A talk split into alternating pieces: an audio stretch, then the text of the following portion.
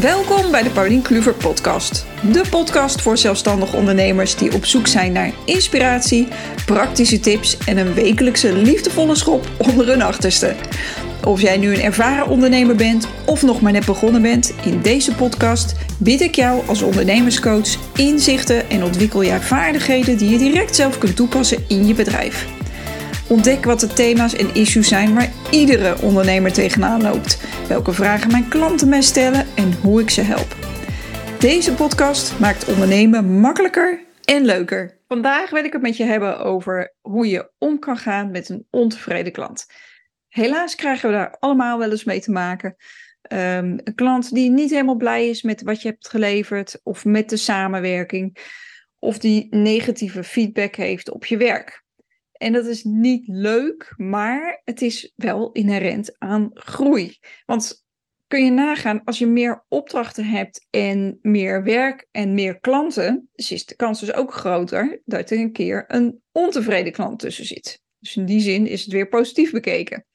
En laat ik vooropstellen, ik heb voornamelijk um, heel tevreden klanten um, en uh, tevreden, blije opdrachtgevers, uh, happy coaches, maar ja, een enkele keer zit er wel eens iemand tussen um, die negatieve feedback geeft op mijn werk of die niet blij is met samenwerking. En in deze podcast vertel ik jou hoe ik, er, um, hoe ik ermee omga, hoe ik er vroeger mee omging en hoe ik er nu mee omga, want er is wel een, uh, een ontwikkeling uh, aan te pas gekomen. Um, maar ja, weet je, kritiek krijgen of negatieve feedback van een klant is gewoon niet leuk. Uh, iedereen gaat weer op een andere manier mee om. De een die krijgt, als hij kritiek krijgt, die wordt heel defensief. Um, die geeft de kritiek zelf niet zoveel aandacht, maar uh, die legt gelijk de schuld bij een ander en trekt zijn handen ervan af. Dat kan een manier zijn om ermee om te gaan. Maar bij een andere persoon uh, kan het zo zijn dat hij meteen in de aanval gaat. Als hij het niet eens is met, met de kritiek of met waar de klant ontevreden over is. En dan zal die klant dat weten ook. Hup, uh, meteen uh, boze mail eruit tegenin. Want wie denkt die klant wel niet dat die is? Maar wat ook kan, en dit was bij mij vroeger het geval, is dat je bij het krijgen van negatieve feedback uh, van een klant helemaal dicht slaat. Dus je klant is niet tevreden, die komt bij je terug. Um, en die kunnen, ja, soms kan het nog wat kort door de bocht gecommuniceerd worden. En juist dan um, kun, je, uh, kun je ervan dichtslaan. Dit was ik dus vroeger. Um, en ik kan me even een praktijkvoorbeeld herinneren dat ik met een opdrachtgever voor langere tijd had gewerkt. Um, gedurende een jaar ongeveer. En ik had tussendoor uh, bij die opdrachten om feedback gevraagd. Want ja, ik vind het fijn om gewoon even een vinger aan de pols te houden van gaat alles nog naar wens. Um, kreeg ik niet zoveel respons op. Dus dan denk ik van oké, nou kennelijk uh, gaat het prima. En um, na een jaar kreeg ik ineens kritiek op het geleverde werk van een jaar eerder. dus ik denk, huh? wat hebben we hier? En ik sloeg daar compleet van dicht. Um, en ik had natuurlijk eigenlijk willen vragen van joh, waarom kom je hier nu pas mee? Want ik heb je al meerdere malen gevraagd om feedback. Maar in plaats daarvan ging ik echt compleet op slot. En erger nog, um, ik was meer geneigd om met die opdrachtgever mee te praten. Van ja, ja, je hebt wel gelijk. Terwijl ik was er eigenlijk helemaal niet mee eens. Maar ik, ik, ik sloeg een soort dicht op tilt, op slot. En toen ben ik echt gaan kijken van oké, okay, Paulien, hoe kan je hier professioneel mee omgaan? Zorgen dat je niet dichtslaat. Um, hoe kan ik de mening van mijn klant respecteren, maar wel voor mezelf opkomen? Want dat kon ik op dat moment niet.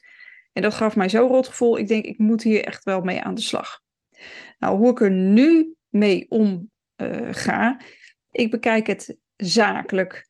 Um, dus de uh, negatieve feedback die je krijgt van je opdrachtgever of je klant, die um, gaat over je werk. Die gaat niet over jou persoonlijk. En Um, als ik terugkijk op, op hoe ik er toen mee omging, um, denk ik dat ik het me wel ergens persoonlijk heb aangetrokken. Weet je wel, ik, het ging om fotografie. Uh, dan heb je al snel um, dat je werk voelt als, je, als, als jij, als je kindje, zeg maar. Dus als daar iemand negatief over is, dan voel je je soms persoonlijk aangevallen. Nou, mijn foto's zijn niet mijn kindje, maar gewoon een product of dienst die ik lever. En het kan zijn dat de klant daar een keer niet tevreden over is. Dus hou het zakelijk, haal die emotie uh, eruit. Dat is niet altijd makkelijk, maar het heeft mij wel enorm geholpen om niet over de zeik te reageren of overdreven dicht te slaan en gewoon professioneel te blijven en het goed af te handelen. Um, iets anders is um, je eerste reactie als je te maken krijgt met een moeilijke klant die niet tevreden is. Um, je kan ervan schrikken, je kan, er kan boosheid in je opkomen, verbazing, zoals in mijn geval toen, uh, soms zelfs misschien tranen. Um, hou, dat, hou dat voor jezelf en luister rustig naar wat je klant zegt en toon wat inlevingsvermogen. Dus ja, ik begrijp dat je niet tevreden bent en ik vind het heel vervelend dat je niet tevreden bent met het werk wat ik geleverd heb. In mijn geval toen dan de foto's. Kan je mij uitleggen wat er niet naar verwachting is? Want weet je, iedereen wil eh, gezien worden en gehoord worden en zich begrepen voelen. En jouw klant of opdrachtgever, die is niet anders. Dus toon altijd wel eerst um, inlevingsvermogen. En uh, wat ik me later ook nog bedacht, in mijn geval lukt het je niet om je hoofd koel te houden en merk je dat je dichtslaat, uh, wat bij mij toen het geval was, of dat je bijvoorbeeld heel erg boos wordt of uh, iets anders waardoor je niet tot een normale professionele reactie komt, zeg dan dankjewel voor je feedback. Ik kom hier graag morgen bij je op terug. Dan geef je jezelf even de tijd om rustig af te koelen en dingen voor jezelf rijtje te zetten. Vervolgens kijk je naar wat uh, hier bij jou je aandeel is in, is geweest. Dus jouw klant is niet tevreden uh, over jouw product of dienst of iets wat je hebt geleverd. Uh, in hoeverre ben jij verantwoordelijk voor de ontevredenheid van jouw klant? Dus wat was jouw aandeel hierin? Was het eigenlijk niet jouw soort werk? Om nog een keer terug in, de fotografie, in het fotografievoorbeeld te gaan was het misschien um, een opdracht die eigenlijk niet jouw specialisatie is? Ben je eigenlijk portretfotograaf, maar heb je eventfotografie gedaan? En ja, is dat niet helemaal je ding? Dus de kans groter dat, je, uh, dat het resultaat minder goed is en dat je klant niet zo ontzettend blij is als dat hij normaal gesproken met de portretten is. Um, even kijken, was het punt 3? Dan ben ik mijn eigen aantekeningen alweer kwijt. Ja, dus was het misschien niet je specialisme, deze opdracht of dit werk? Of had je bijvoorbeeld je dag niet en ben je daarom een beetje slordig te werk gegaan, gehaast? Dat kan natuurlijk, weet je, we zijn allemaal mensen. Um, en dit gebeurt wel eens, maar wees daar eerlijk naartoe. Vooral ook naar, uh, eerlijk in naar jezelf. Dus kijk wat jouw aandeel is geweest, wat jouw verantwoordelijkheid is hierin. Want je kan niet altijd alles alleen maar op je klant afschuiven. Aan de andere kant, en dan kom ik op het volgende punt, in hoeverre lag het aan jouw klant dat bijvoorbeeld die foto's niet naar tevredenheid waren? Dus het kan zijn dat er bepaalde dingen niet goed waren voorbereid. Um, dat jij hebt besproken, bijvoorbeeld van ik ga um, bij dat bedrijf portretten maken en ik heb afgesproken dat er een ruimte beschikbaar zou zijn van die en die afmeting waar geen daglicht in valt. Nou, stel dat die ruimte niet beschikbaar is en je krijgt een hokje van 1 bij 1 meter en daar moet je je studio in opbouwen, ja, dan komt daar natuurlijk geen goed resultaat uit. Dus in hoeverre lag het aan je opdrachtgever of je klant en hoe was de briefing ook vooraf? Want als de briefing in het geval van een fotografieopdracht niet goed is verlopen, uh, dan uh, kan je er ook niet goed op voorbereiden als fotograaf op zo'n opdracht. Wat waren de verwachtingen van je klant? Ook heel belangrijk. En heb je die verwachtingen, en dat doe je dus ook in zo'n briefing, van tevoren goed afgestemd? Als iemand vraagt om mooie foto's, tussen aanhalingstekens doe ik dat nu, um, dan is dat vrij subjectief natuurlijk. Dus vraag dan echt door uh, van wat heb je in je hoofd? Heb je bepaalde voorbeelden van wat je mooi vindt. Dan weet ik waar ik naartoe kan werken. Um, maar ook bij andere producten en diensten is dat natuurlijk zo. Hè? Bespreek van tevoren goed wat de wederzijdse verwachtingen zijn. En nog beter, leg het even vast in een kort verslagje of een mailtje, zodat je van elkaar weet: oké, dit gaan we doen, uh, hier gaan we naartoe werken. En uh, zoals met een, een beeldend beroep, zoals fotografie of uh, als je kunstschilder bent, nee, je hebt niet van tevoren een concreet resultaat wat je kunt laten zien, want het moet nog gemaakt worden. Jij hebt het misschien wel in je hoofd hoe het eruit gaat zien, maar daarom juist is het belangrijk om wel van tevoren die verwachtingen uh, goed helder te hebben van beide kanten. En dan hebben we een apart geval, wat ik wel regelmatig aan hand heb gehad als fotograaf. En dat is, um, kijk, de kritiek komt natuurlijk van degene die het, die het geeft. En als je kritiek krijgt als fotograaf van, ja, mijn foto is niet goed, uh, die foto is slecht, is die foto dan eigenlijk slecht? Ik heb het nu even over portretfotografie trouwens. of is het hoe die persoon naar zichzelf op beeld kijkt? Want als diegene een negatief zelfbeeld heeft, dan zal die nooit heel enthousiast zijn om zichzelf op de foto's terug te zien. En dit heb ik heel erg vaak aan de hand gehad. En hier vraag ik dus altijd ook door om mensen wel in te laten zien van joh, ligt het nu echt aan de foto? Ligt het aan de belichting? Die kan natuurlijk heel beroerd of slecht zijn. Ja, dan kom je er niet uh, charmant op te staan. Maar als jij een vakman of vakvrouw bent en jij zet eigenlijk altijd iedereen mooi op de foto. En er is iemand die uh, niet blij is met het resultaat. Dan kan het, uh, grote kans dat het aan ligt aan het zelfbeeld van diegene. En dat diegene het gewoon heel moeilijk vindt om zichzelf op beeld terug te zien. En het is natuurlijk ook hoe jij als fotograaf die persoon natuurlijk dan in beeld brengt. En hoe, die, hoe jij diegene ziet. In plaats van hoe diegene zichzelf ziet. Dus dat blijft altijd een uh, gevoelig, um, hoe we zeggen, het is een samenwerking, maar blijft ook een gevoelig en subjectief iets. Nou, merk je dat je heel vaak mensen aantrekt uh, als fotograaf die, um, die wat onzeker zijn en die niet graag zichzelf op beeld zien en die zichzelf daardoor niet mooi op foto's vinden staan, dan ligt het probleem niet zozeer bij jouw werk en jouw expertise als fotograaf, maar dan trek je misschien wel de klanten aan die jij helemaal niet wil. En dit geldt ook in andere branches natuurlijk. Hè? Dan heb je vaak moeilijke klanten, uh, veel kritiek, mensen die ja, problemen maken. Uh, dan is het echt tijd om je onderneming en doelgroep eens even goed onder de loep te nemen. En te kijken van joh, wat klopt er niet? Waarom trek ik deze mensen aan? Uh, en op zoek te gaan naar de klanten die je wel wilt. Nou, vervolgens, als je dit voor jezelf helder op een rijtje hebt, neem dan voor jou verantwoordelijkheid voor je aandeel in hetgene wat er niet goed was volgens je klant en bied je excuses daarvoor aan. Nou, spelen er nog meer dingen buiten jouw invloed uh, mee in dat het werk niet goed gelukt is? Ja, je kan ze dan noemen. Bijvoorbeeld, je had um, een opdracht buiten, maar het regende heel hard. Dus de foto's die zijn niet zo zonnig geworden als jouw klant had gewild. Ja, het weer, daar heb je geen invloed op. Dus je kan dat wel noemen, maar gebruik het als uitleg en niet als excuus.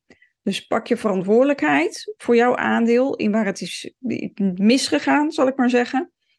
En geef je grens ook aan tot waar jij het beter had moeten en kunnen doen. En waar dingen zijn, mis zijn, uh, zijn misgegaan waar je geen invloed op had. En als laatste, hoe lossen we het op? Dus luister naar waar jouw klant behoefte aan heeft. En speel daarop in. Doe een voorstel. En niet zomaar een voorstel, maar een extra goed voorstel. Dus probeer het altijd win-win af te sluiten. En met win-win bedoel ik jouw klant blij, maar jij ook blij. En zie kritiek vooral als een kans om te leren en te groeien. Ja, super cliché, maar ontzettend waar. Want je wordt er zelf als uh, professional gewoon beter van. Um, dus het is een kans. Uh, een, ne een, negatieve feedback krijgen of een ontevreden klant is een kans om te leren en te groeien. Um, maar het is ook een kans ehm, om van deze ontevreden klant je grootste fan te maken. Door dit heel goed en heel begripvol op te lossen. Ik had een keer een fotoshoot met een vrouw. Ehm, en zij had van tevoren bedacht waar ze die shoot wilde doen. Welke personen daar nog meer bij aanwezig moesten zijn. Uh, en dat had ze bedacht juist om zich op haar gemak te voelen voor de camera. Want ze wilde niet alleen uh, voor die camera staan. En het pakte echt helemaal niet uit zoals we hadden bedacht. Dus het weer zat niet mee. Het was keihard licht, terwijl ze heel zachte foto's wilde. Um, maar ik merkte ook voornamelijk, want dat weer daar heb je dus geen invloed op. En het keiharde licht kan je maar ten dele opvangen. Maar de locatie was niet geschikt. Mijn aandeel daarin, was, ik had van tevoren uh, de locatie moeten checken. Dat heb ik niet gedaan, mijn fout. En um, de sfeer die zij uit wilde stralen met die foto's, dat lukte dus daar helemaal niet. En zij werd steeds ongemakkelijker in de aanwezigheid eigenlijk van de personen die ze bij die shoot had betrokken, om zich ontspannen te voelen. Dus dat werkte helemaal averechts. En ik zag het gebeuren en ik denk, oké, we gaan hier het beste van maken. En ik ben als fotograaf best een goede coach, dus ik coach mensen er wel doorheen. Maar toen ik het resultaat zag, dacht ik ook van, mm, ik weet niet, ik denk niet dat dit helemaal is wat zij zoekt. Maar gezien de omstandigheden kan ik het niet beter doen dan dit. Dus ik heb de foto's nabewerkt, aan haar gestuurd. En ik kreeg inderdaad reactie van, joh, ik ben toch wel een beetje teleurgesteld. Ik sta er niet op als mezelf. Het is niet de sfeer die ik voor ogen had. Wat ik haar toen heb aangeboden is van, we doen het opnieuw op een locatie, gewoon met z'n tweeën. Uiteindelijk met z'n drieën, maar drie bekenden uh, van elkaar, zeg maar. Van ik wist, oké, dit gaat werken. Um, kleine setting.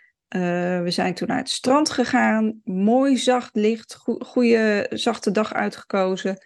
En dit was precies de sfeer die wel zocht. Um, de ontspanning was er veel meer. En toen kreeg ik me toch van haar naderhand een laaiend enthousiaste uh, testimonial terug. Dat ik dacht, oké, dit is uh, hoe je van eigenlijk van een teleurgestelde klant een ongelooflijk grote fan maakt. Dus het is een kans om het extra goed te doen en een super enthousiaste testimonial te krijgen. Niet dat je het alleen maar voor de testimonial moet doen. Dat klinkt een beetje inhalig. Het gaat erom uiteindelijk dat jouw klant gewoon super enthousiast is in hoe jij dit probleem fantastisch hebt opgelost. Wat voor branche ook zit. En dat diegene dat altijd als laatste herinnering aan, aan jullie samenwerking heeft. En dit dan iedereen zal doorvertellen hoe goed je de dingen hebt opgelost. En als laatste, lukt dit niet? Kun je hier niet van leren? Kun je hier niet voor groeien? Is dit een klant die gewoon niet tevreden te stellen is? Dan is uh, uh, zo'n moeilijke klant een uitgelezen kans om voor jezelf te beslissen om nooit meer voor dit soort klanten te werken of om nooit meer zo'n soort opdracht te doen. Dus grijp die kans dan aan om voor jezelf in beeld te brengen hoe jij je werk kan doen op een manier die jouw plezier oplevert en hoe je voor klanten kan werken die jou op waarde schatten. Dit was hem voor deze week. Uh, ik zie je graag volgende week weer terug. Dankjewel voor het luisteren naar deze aflevering en heel graag tot volgende week. Laten we in de tussentijd connecten op social media. Ik ben vooral te vinden op Instagram onder de naam Paulien Kluver Coaching, maar ook zit ik op LinkedIn. Abonneer je op de Paulien Kluver podcast als je geen aflevering wil missen. En wees welkom in mijn groeiende community van inspirerende en superleuke gedreven ondernemers.